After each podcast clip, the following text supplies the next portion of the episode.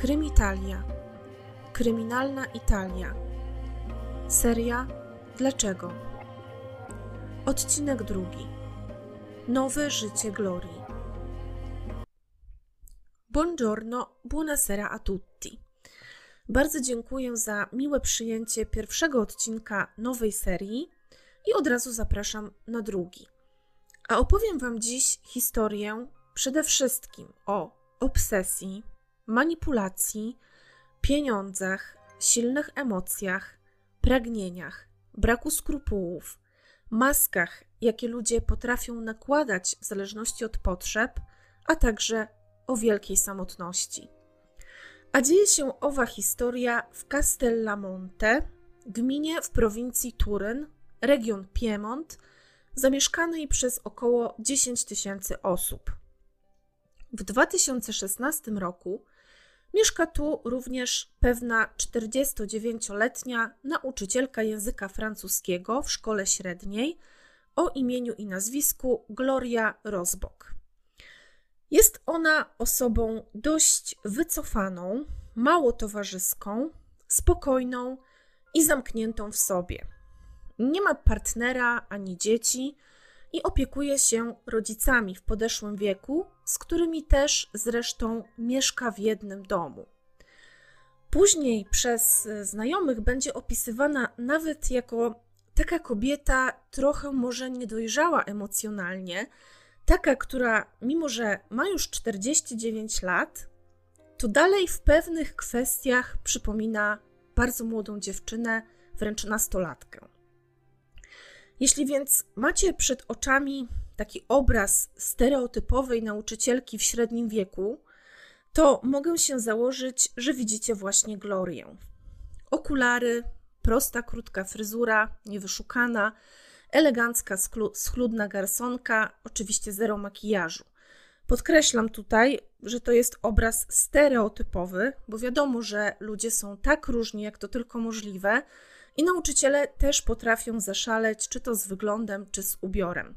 W każdym razie nasza Gloria zdecydowanie do takich szalejących nie należy i w ubiorze i w zachowaniu jest zdecydowanie zachowawcza. 13 stycznia 2016 roku, w środę, kobieta wychodzi z domu do pracy.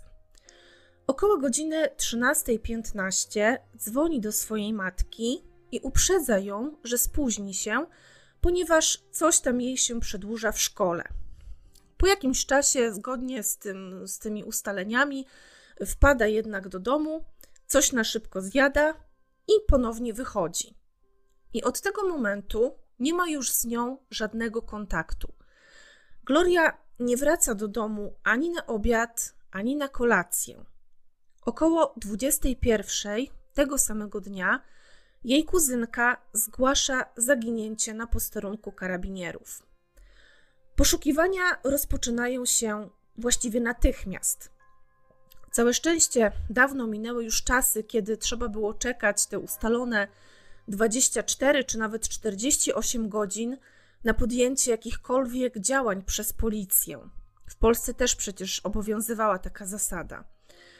Rodzice Glorii są naprawdę bardzo zaniepokojeni, ponieważ takie zniknięcie, zresztą już pewnie po tych kilku zdaniach, jakie Wam powiedziałam o Glorii, e, możecie się też tego domyślać, e, że takie zniknięcie jest absolutnie niepodobne e, do, do tej kobiety. Rodzice nie wierzą, że uciekła, ponieważ nie miała żadnych problemów, właściwie oni nie wiedzieli o żadnych problemach. Opiekowała się nimi. Y, są przekonani, że coś z pewnością musiało się jej stać. Karabinierzy, strażacy oraz ochotnicy przeszukują okoliczne lasy, kanały, klify, przeróżne przepaście, brzegi strumienia, który zresztą też ma dość przerażającą nazwę Orko, czyli ork. Sprawdzane są również nagrania z kamer monitoringu oraz bilingi telefoniczne. I udaje się od razu odkryć kilka rzeczy. Na przykład to, że Gloria była widziana pod urzędem pocztowym w odległości około 300 metrów od własnego domu przez pracownicę owego urzędu, Natomiast o 15.14 kamera zainstalowana na jednym z rond w Castellamonte uchwyciła kobietę bardzo podobną do Glorii, ale na tym etapie nie ma pewności, czy to na pewno ona. Policja zaczyna kopać w przeszłości kobiety. Sprawdzają, czy nie było żadnych problemów z prawem, jakichkolwiek najmniejszych nawet incydentów wskazujących na jakieś szemrane kontakty czy nieciekawe historie w życiu zaginionej. I w ten właśnie sposób dowiadują się o dwóch skargach, jakie wniosła Gloria w przeciągu kilku lat przed swoim zniknięciem. Pierwsza z tych skarg dotyczyła oszustwa. Y, I było to tak, że mężczyźni podający się za techników, mających sprawdzić zawory w kaloryferach, zostali wpuszczeni przez Glorię do domu. Natomiast już po ich wyjściu okazało się, że razem z nimi z domu zniknęła też biżuteria i 300 euro w gotówce. Druga z tych skarg jest dużo bardziej zaskakująca. We wrześniu 2015 roku nauczycielka poszła na policję i w obecności swojego adwokata opowiedziała, że zaufała jednemu ze swoich byłych uczniów o imieniu i nazwisku Gabriele De Filippi i przelała mu oszczędności całego swojego życia w kwocie 187 tysięcy euro. Zapytana oczywiście przez policjantów o powód takiego kroku, Gloria odpowiedziała, że zna swojego ucznia odkąd ten miał 12 lat, że wydawał jej się bardzo konkretną, inteligentną osobą. Twierdził, że pracuje dla jakiejś firmy związanej z finansami i inwestycjami w Mediolanie i obiecał, że zajmie się tymi pieniędzmi, tymi jej pieniędzmi, w taki sposób, żeby przynosiły bardzo duży dochód. Miał je zdeponować innymi na koncie gdzieś na Lazurowym Wybrzeżu we Francji. No i cała ta historia brzmi dość niewiarygodnie, zwłaszcza dlatego, że Gloria była właściwie znana z tego, że nie ufała ludziom. Do wszystkich i wszystkiego podchodziła bardzo ostrożnie, z dużym dystansem i rezerwą. Pojawia się więc pytanie, dlaczego przekazała tak ogromną sumę pieniędzy swojemu byłemu uczniowi. Karabinierzy postanawiają przesłuchać matkę Glorii, Marię Luizę Mores. Kobieta opowiada, że jej córka poznała Gabrielę wiele lat wcześniej. Chłopak potrzebował pomocy w nauce, dlatego że zaczął uczęszczać do niej na korepetycje. I im częstsze zaczęły się stawać te spotkania, tym bardziej Marię Luizę to niepokoiło. Ale córka wytłumaczyła jej, że chłopak bardzo dobrze zna się na finansach i że oprócz tego, że razem się uczą, no to również doradza jej w kwestii inwestowania w różnych rajach podatkowych. No i kobieta zeznaje, że miała czasem ochotę podpytać, czy przypadkiem Gloria nie zakochała się w tym swoim uczniu, ale właściwie nigdy nie zadała wprost tego pytania, Przede wszystkim dlatego, że uznała, że różnica wieku pomiędzy nimi była zbyt duża. Gabriele był o 27 lat młodszy od Glorii. Kobieta zeznaje też, że była kilka razy świadkiem um, ich rozmów na temat tych rzekomych inwestycji. Gabriele przekonywał, że warto trzymać pieniądze na kontach we Francji, zwłaszcza jeśli w grę wchodzą inwestycje terminowe, właściwie długoterminowe, na rok, na trzy lata lub nawet dłuższe, ponieważ mogły się one okazać bardzo opłacalne. I Maria Luisa dalej opowiada, że nie wtrącała się w te ich rozmowy, bo jak twierdzi, uznała, że jej córka jest dorosła, rozsądna i na pewno wie, co robi. Natomiast nigdy by nie przypuszczała, że Gloria przekaże wszystkie swoje pieniądze właśnie temu uczniowi. No i o co mogło chodzić? Czy Gloria była tylko tak po prostu naiwna, czy jednak kryło się za tym coś więcej? Policja postanawia zarekwirować komputer nauczycielki. No i tam bardzo szybko odkrywa, że Gloria, można powiedzieć, wpadła jak śliwka w kompot, i wręcz oszalała na punkcie swojego byłego ucznia. Wymieniali czułe maile, rozmawiali bardzo często na Facebooku, a te wiadomości właściwie nie pozostawiały zbyt dużo wątpliwości co do łączącej ich relacji. Były tam emotikony serduszek, wyznania, zdania w stylu myślałam o tobie w nocy. Wydaje się, że nieśmiała, wycofana nauczycielka mogła tak naprawdę chyba po raz pierwszy w życiu prawdziwie się zakochać. Co warte podkreślenia, Gloria, być może całkiem nieświadomie, powieliła znany schemat z wielu francuskich powieści, w których to dojrzała kobieta zaczyna pałać gorącym uczuciem do młodszego mężczyzny. Zrealizowała więc w swoim życiu coś, co wcześniej, jako przyszła nauczycielka francuskiego, przez kilka dobrych lat studiowała. Przyjaciółce Annie, do której również dociera policja, opowiadała, że z Gabriele czuje się wspaniale, że może być przy nim zawsze sobą. Kiedy wychodzą razem, rozmawiają o wszystkim. Oprócz pocałunków i długich rozmów, nie łączy ich jednak nic więcej. Ale Gloria podkreśla, że nigdy wcześniej w swoim życiu tak się nie czuła.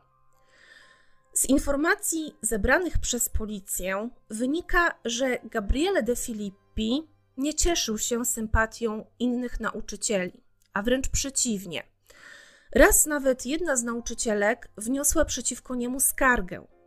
Świadkiem ich kłótni, pełnej bardzo nieprzyjemnych inwektyw i przekleństw ze strony Gabriele, była zresztą sama Gloria, która jednak zaciekle broniła swojego ulubieńca, przekonując wręcz koleżankę do wycofania zawiadomienia. Mówiła, że to dobry, mądry chłopak, ma tylko trudny charakter. Kiedy matka przyniosła Gabriele do prywatnej szkoły, Gloria nadal pomagała mu w nauce.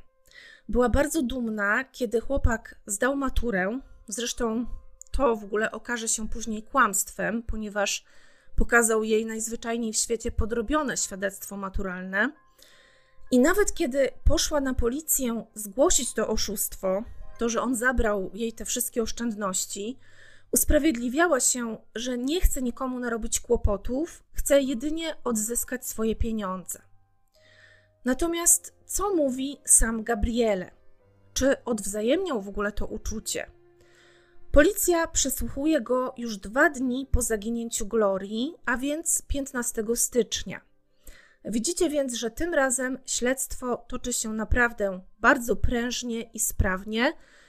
No i tam policja raczej nie próżnuje, czego nie można powiedzieć o różnych innych przypadkach, które już się na tym kanale pojawiały.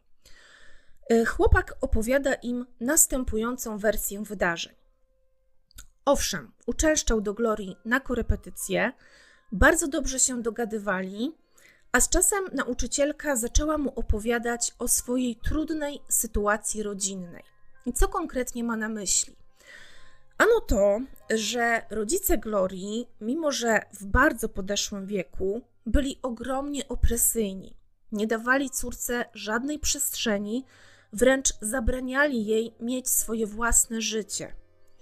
I według słów Gabriele, Gloria była tym już tak zmęczona, że postanowiła zająć się swoim majątkiem przy pomocy doradców finansowych, tak aby być w stanie zacząć zupełnie nowe życie, wyjechać z Castellamonte i żyć sobie spokojnie, z dala od rodziców, którzy stali się z czasem dla niej naprawdę ogromnym ciężarem. Wtedy też właśnie Gloria miała poprosić Gabrielę o pomoc w zainscenizowaniu pewnego rodzaju teatrzyku, aby dzięki temu ukryć przed rodzicami swoje prawdziwe plany. Chłopak miał im dać do zrozumienia, że jest brokerem finansowym i że ma różne kontakty w świecie biznesu, dzięki czemu będzie w stanie pomóc Glorii znaleźć pracę za granicą. Tak więc, ponieważ według słów Gabriele matka ciągle stała Glorii za plecami, nawet kiedy ta używała komputera, postanowili w 2014 roku spreparować korespondencję, z której miałoby wynikać, że Gabriele faktycznie zna się na inwestowaniu i że pomoże Glorii pomnożyć majątek. Policja pyta go więc w tym momencie o wiadomości, jakie wysłał Glorii przed jej zniknięciem. Między innymi, jak się okaże, o nieistniejącej ofercie pracy w Mediolanie oraz kolejne oszustwo o inwestycji na lazurowym wybrzeżu. Gabriele twierdzi, że nie było to z jego strony żadne kłamstwo, żadne oszustwo i że to sama Gloria poprosiła go o wysłanie tych wiadomości, ponieważ chciała, aby jej rodzice wierzyli, że właśnie po to wypłaciła całe pieniądze. Nie po to, żeby od nich uciec i zacząć nowe życie, ale żeby zacząć nową pracę, że ma jakieś tam perspektywy, że super inwestuje, że świetnie sobie poradzi i tak dalej. Od czasu tej fałszywej korespondencji, zeznaje dalej Gabriele, on i Gloria już się nie widywali. Owszem, nauczycielka przyszła kilka razy do domu jego matki, Kateryny Abbattisty, żeby z nim porozmawiać, ponieważ jej rodzice zaczęli oskarżać go o to, że powierzyła mu wypłacone z banku oszczędności. Natomiast Gabriele, jak twierdzi, nie dostał od Glorii żadnych pieniędzy. To samo mówiła też jego matka, Katerina, kiedy Gloria do nich przychodziła. Gabriele chciał wręcz urwać wszelkie kontakty z nauczycielką. No już miał być właśnie zmęczony tymi ciągłymi rozmowami na ten temat, tym, że rodzice y, jej właśnie oskarżają go o to, że to on te pieniądze wziął i dlatego postanowił w ogóle wyprowadzić się ze swojego domu. No i karabinierzy sprawdzają, że faktycznie jakiś czas wcześniej cała rodzina, czyli Gabriele, jego młodszy brat oraz matka Caterina Battista, wyprowadzili się z Castellamonte bliżej Turynu do miejscowości Gassino. Gabriele jest oczywiście wypytywany o to, co robił 13 stycznia, w dzień zaginięcia Glorii. Odpowiada, że kilka dni wcześniej miał wypadek samochodowy w związku z czym nie był mobilny i znajdował się w domu w Gassino, w tym nowym domu.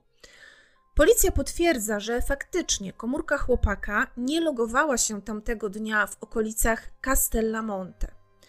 Natomiast co do tego nowego domu w Gassino, to okazuje się, że został on zakupiony w przeciągu bardzo krótkiego czasu za 200 tysięcy euro w gotówce i formalnie w większości jest zapisany na Gabriele, a chyba tylko jedna dziesiąta należy do jego matki. Pamiętacie zapewne, że Gloria miała przekazać swojemu byłemu uczniowi bardzo podobną sumę pieniędzy, właśnie prawie 200 tysięcy euro. Sprawa dość szybko się jednak wyjaśnia. Za dom zapłacił narzeczony Kateriny, mamy Gabriele, który jest człowiekiem zamożnym i z całą pewnością może sobie na taki wydatek pozwolić. Natomiast fakt, że dom został zapisany w większej części na Gabriele, rodzina tłumaczy tym, że chcieli uniknąć płacenia wysokiego podatku. Akt notarialny zdaje się potwierdzać te słowa. Za dom zapłacił gotówką pan Silvio Chiappino. Wydaje się, że śledczy tracą jakiekolwiek punkty zaczepienia. Nie ma dowodu na to, że oszczędności życia Glorii dostał właśnie Gabriele. On sam ma alibi na 13 stycznia. Dom zakupił narzeczony mamy. Wszystko jest czarno na białym. Karabinierzy postanawiają ponownie przesłuchać rodziców Glorii, w nadziei, że być może przypomną im się jakieś szczegóły, które wcześniej wydawały się nieistotne, a mogą okazać się bardzo przydatne. I faktycznie poniekąd tak się dzieje. Ojciec Glorii, Ettore Rozbok, opowiada, że tamtego 13 stycznia wydarzyło się coś, co go bardzo zaniepokoiło, jeśli nie powiedzieć zmroziło. A mianowicie córka przed wyjściem z domu pocałowała go. Niby taka zwyczajna rzecz, ale pan Rozbok twierdzi, że Gloria nie całowała go nigdy wcześniej. Dlatego wydało mu się to takie niezwykłe, a wręcz nawet go przestraszyło. Czy mógł to być pocałunek pożegnalny? czy Gloria, pozbawiona wszystkiego, swoich pieniędzy, miłości Gabriele, wkrótce z pewnością też reputacji, postanowiła skończyć ze sobą? Czy nie widziała już dla siebie żadnej przyszłości, a jej obecne życie było na tyle puste i pozbawione w jej oczach sensu, że nie zawahała się przed ostatecznością? Tylko jeśli to faktycznie zrobiła, no to gdzie jest jej ciało? Policja bada każdy ślad, w tym ogromną ilość danych z telefonu Gabriele, a także jego matki Kateriny. Wydaje się, że komórka chłopaka była 13 stycznia wyłączona przez większość dnia, a wieczorem około 21.54 pobrała sporą ilość danych, tak jakby została włączona po całym dniu dopiero w tym momencie. Kolejna interesująca rzecz znajduje się w telefonie Kateryny. 13 stycznia z jej komórki wyszło połączenie do pewnego mężczyzny. Nazywa się on Roberto Obert, ma 54 lata i jest partnerem kolegi Kateryny z pracy. I na nazwisko tego właśnie mężczyzny zarejestrowane są dwie karty SIM. Nie jest to może nic nadzwyczajnego, ani tym bardziej zabronionego, ale połączenie wykonane pomiędzy obiema tymi kartami właśnie 13 stycznia wydaje się śledczym warte głębszego zbadania. Tak jak Wam powiedziałam, tutaj faktycznie drążyli bardzo, bardzo dokładnie i precyzyjnie. Przede wszystkim powstaje teraz takie pytanie: kto używał tej drugiej karty? Policja zleca sprawdzenie, do jakich wież, wież przekaźnikowych logowały się obie te karty SIM, a także smartfon Gabriele od początku 2016 roku. Rezultat jest bardzo ciekawy. Od 8 stycznia jedna z kart SIM Roberta logowała się dokładnie w tych samych miejscach, co smartfon z kartą SIM Gabriele. Śledczy dedukują więc, że 13 stycznia w telefonie chłopaka nie znajdowała się jego karta SIM, ale jedna z kart należących do Roberta. Stąd właśnie alibi zapewnione wcześniej nie powinno być brane pod uwagę. Sprawdzają logowania obu kart i bingo. Logowały się one w punkcie położonym najbliżej szkoły średniej w Castellamonte. Może to oznaczać właściwie tylko jedno. Gabriele i Roberto czekali na Glorię pod szkołą, a następnie się z nią spotkali. Rekonstrukcja wydarzeń z tego dnia jest według śledczych następująca. Około 13 Gloria wychodzi ze szkoły. Nie spodziewała się w tym momencie zobaczyć Gabriele, dlatego jest pewnie bardzo zaskoczona, ale też szczęśliwa, bo zapewne nadal coś do niego czuje. Chłopak stara się być dla niej miły i bardzo czuły, obiecuje, że odda jej wszystkie pieniądze. Gloria jest dosłownie w niebo wzięta. Mówi, że zadzwoni tylko do matki, żeby uprzedzić o spóźnieniu, wpadnie na chwilę coś zjeść, a później wróci się z nimi zobaczyć. I tak też robi.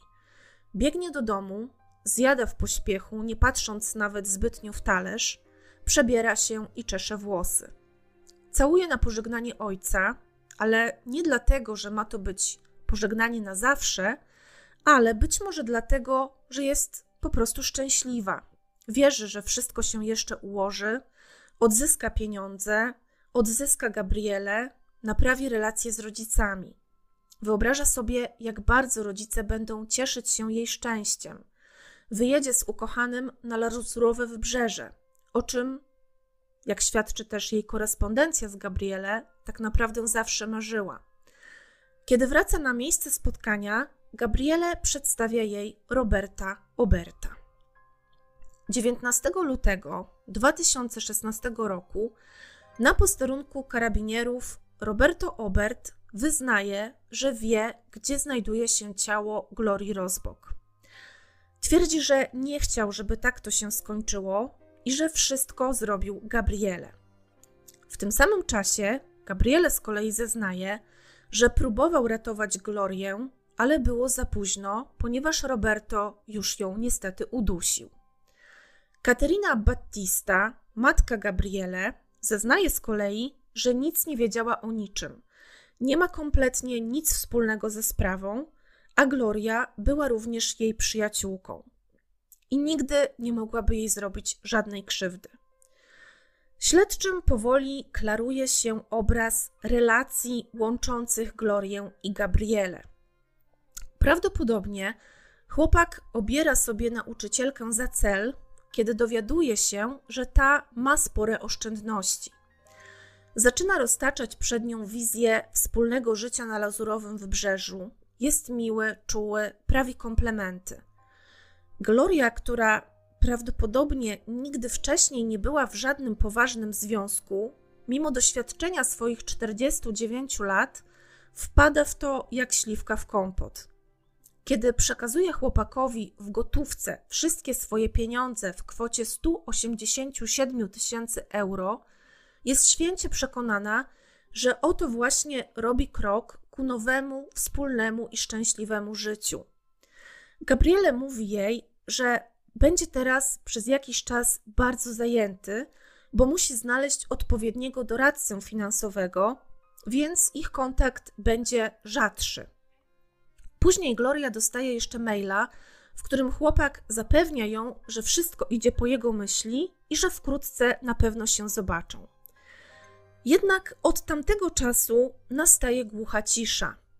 Telefon Gabriele jest wyłączony, jego konto na Facebooku nieaktywne, a nawet dom, który przecież Gloria zna i w którym bywała, jest zamknięty na trzy spusty.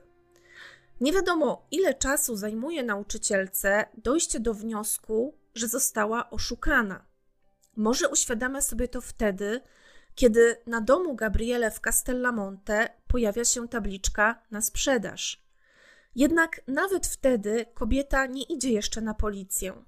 Najpierw próbuje na wszystkie sposoby skontaktować się z byłym uczniem.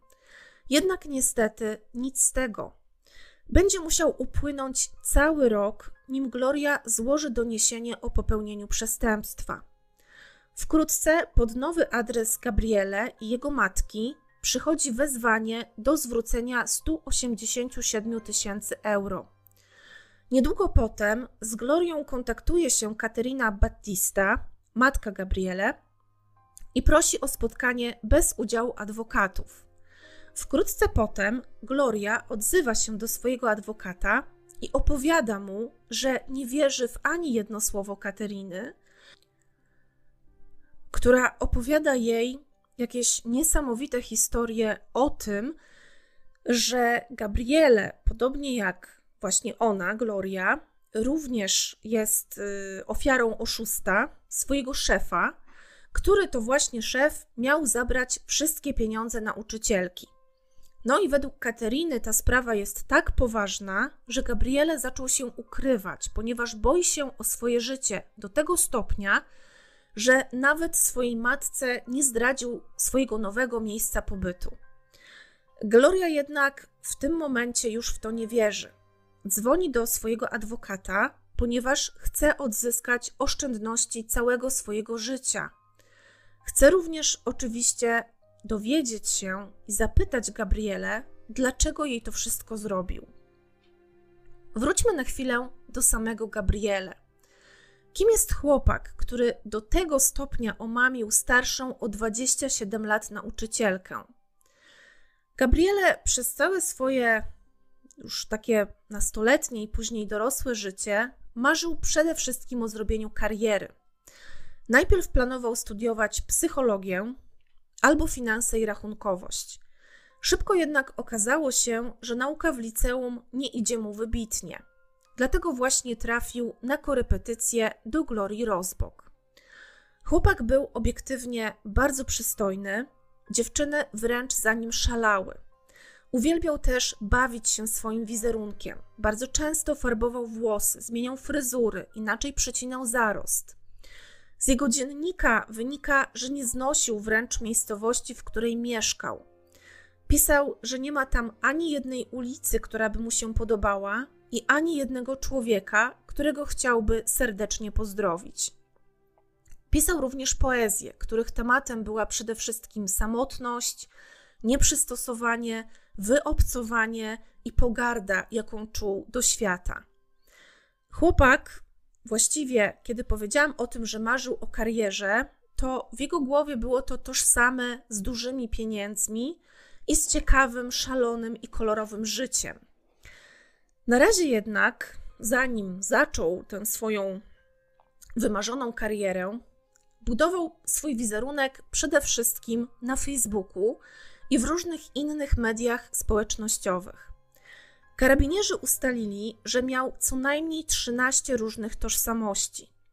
Każde z tych kont opatrzone było inną fotografią, ale na każdej z tych fotografii był Gabriele, ale tak zmieniony, tak inny, że wręcz nie do poznania. Przebierał się również za dziewczyny i faktycznie wychodziło mu to no naprawdę perfekcyjnie. Podlinkuję Wam oczywiście te mm, różne strony, na których będziecie mogli to zobaczyć, bo to jest wręcz fenomenalne, jak, w jaki sposób on się bawił swoim wizerunkiem. Na stronach związanych z promocją artystów, na przykład, kreował się na artystyczną, wrażliwą duszę. Z kolei na portalach takich czysto biznesowych, związanych z profesjonalną karierą, jawił się jako doświadczony, poważny broker. Bywał też bojem hotelowym, stylistą fryzur, makijażystą i testerem gier komputerowych. Prawdziwy kameleon lub zręczny oszust. Osoby, które znały Gabriele, opisują go raczej jako bardzo sprytnego i zręcznego manipulatora niż kogoś wybitnie inteligentnego. Wiadomo też, że miewał różne problemy z agresją. W jednej z nagranych przez policję rozmów pomiędzy nim a jego matką zwraca się właśnie do niej, do swojej mamy, do Kateryny słowami brutta puttana. To jest bardzo no nieładne wyrażenie po włosku, nie będę wam tutaj na polski tłumaczyć, ale możecie sami sobie to zrobić. I kobieta właściwie w tej rozmowie nawet na to nie, nie reaguje, prawdopodobnie ze strachu przed synem. Okazuje się też bardzo szybko, że Gloria nie była jedyną starszą od niego kobietą, z którą nawiązał jakąś romantyczną czy bliższą relację. Wcześniej, kiedy był jeszcze nieletni, Okręcił sobie wokół palca o 12 lat starszą nauczycielkę ze szkoły podstawowej. Ich romans trwał dwa lata. Zaraz po jego zakończeniu w życiu Gabriele zaczęły się pojawiać kolejne kobiety młodsze, starsze, a było ich naprawdę dużo. Z jedną z nich, dziewczyną pochodzącą z Toskanii, związał się nawet na dłużej, a po zakończeniu związku wytatuował sobie jej imię na ramieniu. Gabriele ma też kochanków płci męskiej, bo właściwie on sam ma trochę problem z określeniem swojej orientacji i preferencji w tej właśnie materii. No i do czego właściwie zmierzam, opowiadając Wam o tym wszystkim? Otóż okazuje się, że Roberto Obert, ten sam, którego karty SIM używał Gabriele i z którym był on w aucie, kiedy spotkali się z Glorią, jest od jakiegoś czasu również jego kochankiem. Żeby Wam jeszcze bardziej ukazać skalę manipulacji Gabriele, podam Wam pewien przykład. W czasie, kiedy był on już w związku z Robertem, konsekwentnie dalej realizował swoje przeróżne projekty związane z wyłudzaniem pieniędzy od różnych kobiet. Wziął na przykład na celownik pewną 45-letnią zamężną pokojówkę.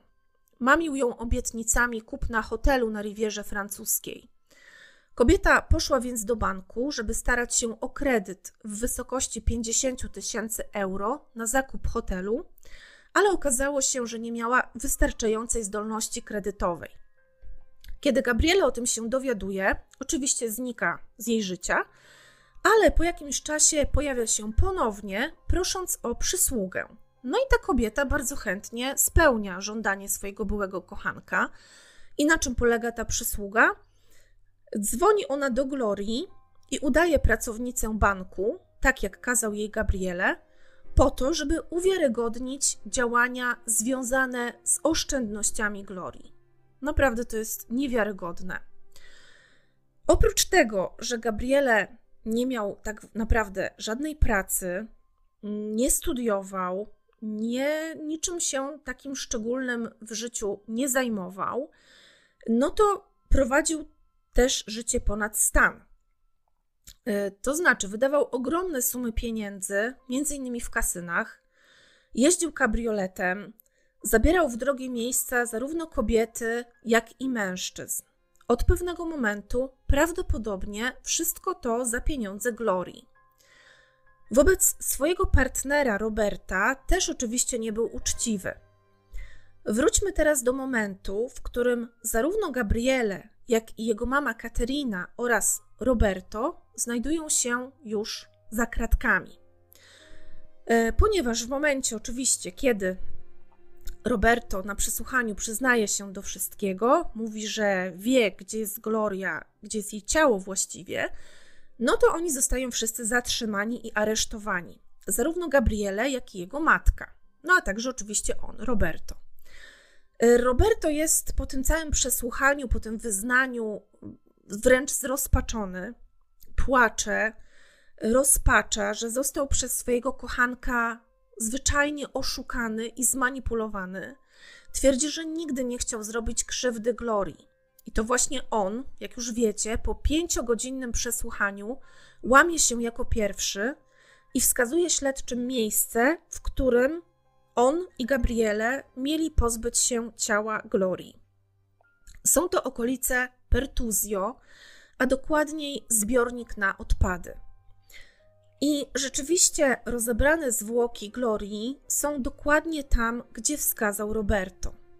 Dlaczego mężczyzna, który poznał Glorię 13 stycznia przed 15, już pół godziny później uczestniczył w jej zabójstwie? Czy młodszy od niego o 32 lata Gabriele De Filippi zmanipulował go do tego stopnia, że bez mrugnięcia okiem zgodził się na udział w tym diabolicznym planie? Roberto Obert w 2016 roku ma 54 lata i bardzo dobrą sytuację finansową. Przez lata pracował jako specjalista w sektorze chemicznym, a wkrótce ma już oficjalnie przejść na emeryturę. Jest bystry, bardzo dużo podróżuje i nie kryje się ze swoją homoseksualną orientacją. Gabriele poznał przez Katerinę, kiedy chłopak miał ledwo 15 lat. Najpierw odwiedzał ich ze swoim partnerem, który również był znajomym Kateriny, ale potem, potem, według jego własnych słów, poczuł ogromny pociąg do Gabriele. Jak sam twierdzi, to właśnie Gabriele przejął od początku inicjatywę i zrobił pierwszy krok. Jak pewnie się domyślacie, wersja Gabriele jest zgoła odmienna. Opisuje on Roberta jako seksualnego drapieżnika, który od początku go wykorzystywał i zmusił wręcz do wyłudzenia pieniędzy od Glorii. Roberto z kolei opowiada, że nie był z Gabriele w stałym związku, a w styczniu 2016 roku to właściwie spotkali się przypadkiem. Były chłopak miał mu wtedy opowiedzieć o problemach z Glorią, o tym, że oskarża go ona o przywłaszczenie 187 tysięcy euro. I Roberto, według jego własnych słów, miał już o tym wszystkim wiedzieć od Kateriny, mamy Gabriele. Potwierdza też, że nigdy wcześniej nie spotkał Glorii, poznał ją dopiero w swoim aucie 13 stycznia przed 15. Cały czas radził Gabriele, żeby dał sobie z tym wszystkim spokój, przestał walczyć z Glorią, oddał jej te pieniądze, ale chłopak podobno był tak pełen jakiegoś gniewu, złości, takiej agresji, że nawet nie chciał o tym słyszeć. 13 stycznia 2016 roku Gabriele dzwoni do Roberta i prosi go, aby ten towarzyszył mu podczas spotkania z Glorią Rozbok. Roberto zgadza się na to i jedzie do Castellamonte. Odbierają Glorię spod poczty białym Twingo. Za kierownicą siedzi Roberto, z tyłu Gabriele. Zaprasza Glorię, żeby usiadła na miejscu pasażera i przedstawia Roberta jako człowieka, który może jej oddać wszystkie pieniądze. Kierują się w stronę Pertuzio. Roberto opowiada, że to on zasugerował Gabriele tę właśnie lokalizację, ponieważ jakiś czas wcześniej rozmawiali o, Groli, o Glorii i Gabriele powiedział, że chciałby, żeby ona zniknęła. Roberto twierdzi, że nie wziął wtedy jego słów na poważnie. Ale naprawdę ciężko w to uwierzyć. Nie wiem, no gadacie ze swoim ex-kochankiem, który pyta, czy znacie miejsce, w którym najlepiej będzie pozbyć się osoby, która oskarża was o przywłaszczenie prawie 200 tysięcy euro, a wy tak po prostu uznajecie to za żart, ale taką lokalizację mu wskazujecie. Okay. Roberto zeznaje, że na początku myślał, że Gabriele chce tylko zastraszyć Glorię gdzieś w jakimś odosobnionym miejscu, po to, żeby przestała na niego naciskać, żądając zwrotu swoich oszczędności. Plan był taki, twierdzi Roberto, że zawiozą ją do Pertuzio, pokażą jej głęboki zbiornik na odpady i zagrożą, że jeśli nie da spokoju Gabriele, następnym razem ją tam wrzucą. Podczas jazdy samochodem, opowiada dalej Roberto, Gabriele w pewnym momencie nachylił się nad Glorią z siedzenia z tyłu pasażera, y, ona siedziała na przednim siedzeniu koło kierowcy i zacisnął wokół jej szyi pas bezpieczeństwa. Roberto próbował protestować, krzyczeć, ale Gabriele stanowczo go uciszył i kazał jechać dalej. Gloria straciła przytomność niemal natychmiast, zdążyła jedynie szepnąć: Co robisz? Według Roberta to były sekundy, bo Gabriele ściskał pas bardzo, bardzo mocno, zapierając się przy tym kolanami o przednie siedzenie. Następnie wyciągnął ciało z auta, rozebrał i wrzucił do zbiornika na odpady. Ubrań pozbyli się w Turynie. Czy to, co mówi Roberto, jest całkowicie prawdą? Czy był on tylko przypadkowym wspólnikiem zbrodni, zakochanym w sprawcy do tego stopnia, że nie wyznał wszystkiego od razu? Faktem jest, że wszyscy, absolutnie wszyscy, którzy znają Roberta, nie chcą wierzyć w jego aktywny udział w zabójstwie nauczycielki. Broni go m.in. były partner, bronią sąsiedzi, bronią znajomi. Roberto według nich jest osobą, która pomaga, a nie taką, która zabija. Poza tym, jak zauważa jego były partner, Roberto miał pieniądze, pochodził z dobrze sytuowanej rodziny, sam dobrze zarabiał, mógł sobie pozwolić na wszystko na podróże, na wystawne życie, jedzenie poza domem, samochód itd. Tak Nie było więc absolutnie potrzeby, aby brał udział w jakimkolwiek oszustwie związanym z finansami. Jaka jest jednak prawda? Wiecie już, że w całej tej skomplikowanej układance jest jeszcze jeden element, a mianowicie Caterina Battista. Matka Gabriele, kobieta, która znała zarówno Roberta Oberta, a wręcz przyjaźniła się z nim, jak i Glorię Rozbok. Karabinierzy, kiedy aresztują Katerinę, są przekonani, że miała ona udział w planowaniu zabójstwa nauczycielki. Ale jaki i dlaczego? To pytanie zresztą, jak już wiecie, będzie się bardzo często przewijać w tej serii podcastów. Katerina ma 45 lat i pracuje w ochronie zdrowia. Podczas pierwszego przesłuchania twierdzi, że 13 stycznia zostawiła swojego 13-letniego syna pod opieką starszego, czyli Gabriele. Kiedy wychodzi na jaw, że to nieprawda, odpowiada, że skłamała ze strachu przed Gabriele. W 2015 roku, kiedy Gloria naciskała, żeby Gabriele zwrócił jej pieniądze, Katerina zamieściła na swoim Facebooku następujące zdanie: Jakaś część mnie wie doskonale, co się stało. Inna udaje, że nie wie, po to, aby móc żyć dalej. Chyba dość znaczące w kontekście sytuacji, w jakiej wtedy była a raczej takie sugerujące, że wiedziała o tym, że to właśnie jej syn zabrał nauczycielce pieniądze. W przeszłości Kateryny właściwie nie ma niczego negatywnego. Koleżanki opisują ją jako normalną kobietę, która robiła co mogła, żeby zapewnić swojej rodzinie byt. Nie omijały jej oczywiście problemy. Wchodziła innymi w nieudane związki, które zresztą też niestety często okazywały się przemocowe. Z ojcem Gabriele bardzo szybko się rozstała. Syn też miał z ojcem bardzo złe relacje, a wręcz go nawet nienawidził. Jeden z byłych partnerów Kateriny opowiada, że wydał na nią bardzo dużo pieniędzy, których oczywiście nigdy nie odzyskał, a kobieta wyrzuciła go z domu właściwie z dnia na dzień, bez żadnego powodu, i było to dla niego ogromne zaskoczenie. A Gabriele, czyli syn y, jego partnerki ówczesnej, groził mu nożem. Miał też on wielokrotnie bić, szarpać i wyzywać swoją matkę. W lipcu 2017 roku rozpoczyna się proces.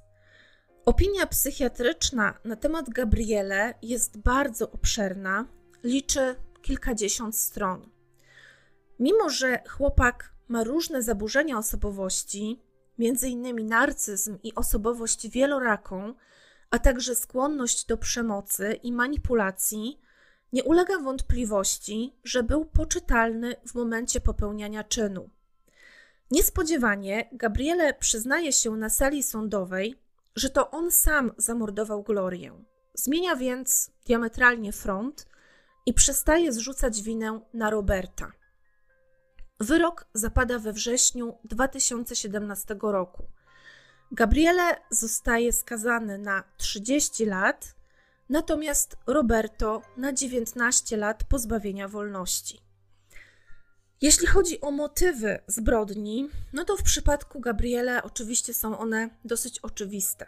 Chodziło o to, żeby przywłaszczyć sobie pieniądze Glorii, którą zdołał czułymi słówkami i nie wiem czym właściwie, ale zdołał ją do tego stopnia omamić i oczarować, że ona była wręcz przekonana, że dając mu te pieniądze, zaczyna z nim właściwie nowe życie – i mogę sobie tylko wyobrazić, jak ogromna była jej gorycz, jej rozczarowanie, jej rozpacz, kiedy się okazało, że Gabriele przestał się do niej w ogóle odzywać. No musiało to być dla takiej kobiety już właściwie w średnim wieku naprawdę ogromnie upokarzające. Jest mi strasznie żal y, Glorii, naprawdę bardzo, bo zupełnie myślę, że nie zasłużyła na to, co ją spotkało. W każdym razie Gabriele to oczywiste miał motyw związany z pieniędzmi, z tym, że no, od początku właściwie marzył o tym, żeby zarabiać łatwe pieniądze, żeby prowadzić y, życie na wystawnym poziomie, ale niekoniecznie pracując na to uczciwie. Natomiast dla mnie zupełną zagadką są motywy Roberta.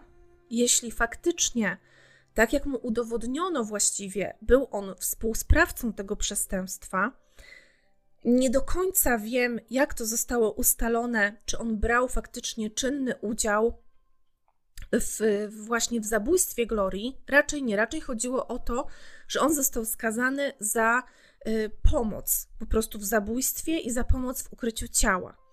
No więc, jeśli wiedział, że to był tylko jakby, że on nie miał z tym tak naprawdę wiele wspólnego, to znaczy on nie wiedział od początku, że tak się ta wycieczka nieszczęsna zakończy, no to dlaczego nie poszedł na policję? Dlaczego nie wydał Gabriele? Czy był do tego stopnia w nim zakochany? Czy chłopak był naprawdę aż tak zręcznym manipulatorem, że potrafił po prostu nawijać makaron na uszy tak dużo starszym od siebie ludziom? To wydaje się aż wręcz nieprawdopodobne. Rodzice Glorii są gorzko rozczarowani tym wyrokiem dla Gabriele, ponieważ oczywiście spodziewali się dożywocia. Katerina z kolei, która ani na moment nie opuściła syna i odwiedzała go co tydzień w więzieniu, nadal mając z nim bardzo bliską relację, twierdzi, że wyrok dożywocia byłby dla jej dziecka zbyt surowy, nawet pomimo tego, że faktycznie popełnił okropną zbrodnię. Sama Katerina zostaje uniewinniona od zarzutu współsprawstwa w zabójstwie, natomiast dostaje wyrok 14 miesięcy więzienia za oszustwo finansowe. W grudniu 2019 roku Sąd Kasacyjny ostatecznie potwierdza wyrok 30 lat więzienia dla Gabriele oraz 18 lat i 9 miesięcy więzienia dla Roberta. W 2020 roku z kolei sąd apelacyjny utrzymuje również w mocy wyrok uniewinnienia dla Kateriny Abattisty. W kwietniu 2020 roku Gabriele opuścił więzienie i rozpoczął areszt domowy, a powodem był pozytywny wynik testu na koronawirusa. Nie wiem w tym momencie, jak to wygląda, czy wrócił za kratki, ale po takim czasie podejrzewam, że już pewnie tak. E, w tej historii jest tak wiele dlaczego, że ciężko nawet zacząć. Dorosła kobieta ufa bezgranicznie młodemu człowiekowi, który jest właściwie znany w całej miejscowości ze swoich romansów, parcia na kasę, skłonności manipulatorskich. Dlaczego? Czy chodziło o ogromną potrzebę miłości, bycia zauważoną i akceptowaną, do tego stopnia, że przysłoniło jej to zdrowy rozsądek? Roberto Obert wiedział o planach kochanka. Dla mnie tłumaczenie, że sam wskazał mu odosobnione miejsce, bo Gabriele wspominał, że chciałby się kogoś pozbyć, ale on stwierdził, że to chyba tylko takie żarty, no jest dosyć absurdalne. Y, wydaje mi się, że za każdym razem w takiej sytuacji gdzieś tam jakaś lampka czerwona się zapala i chyba znając kogoś dobrze, no to jesteśmy w stanie powiedzieć, czy faktycznie to są jakieś żarty, bo rozmawiamy o jakichś bzdurach, czy jednak coś jest tutaj na rzeczy.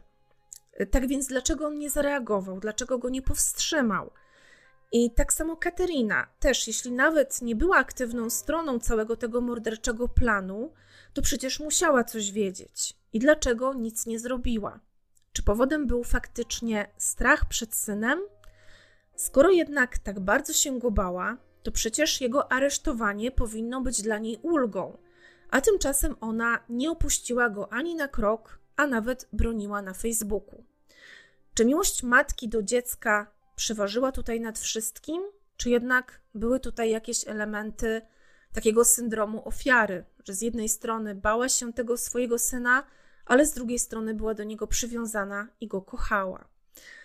No i jeszcze raz, jak pomyślę o Glorii, to aż serce mnie boli. Nieśmiała, nikomu nie sprawiająca problemów kobieta, która chciała po prostu być szczęśliwa, tak jak wszyscy, a spotkał ją okrutny i niesprawiedliwy koniec. Proszę, dajcie koniecznie znać, jakie wrażenie wywarła na Was ta sprawa i co Wam jeszcze przychodzi do głowy, jeśli chodzi o motywy morderców w tym akurat przypadku. A tymczasem trzymajcie się i oczywiście do usłyszenia za tydzień. Ciao!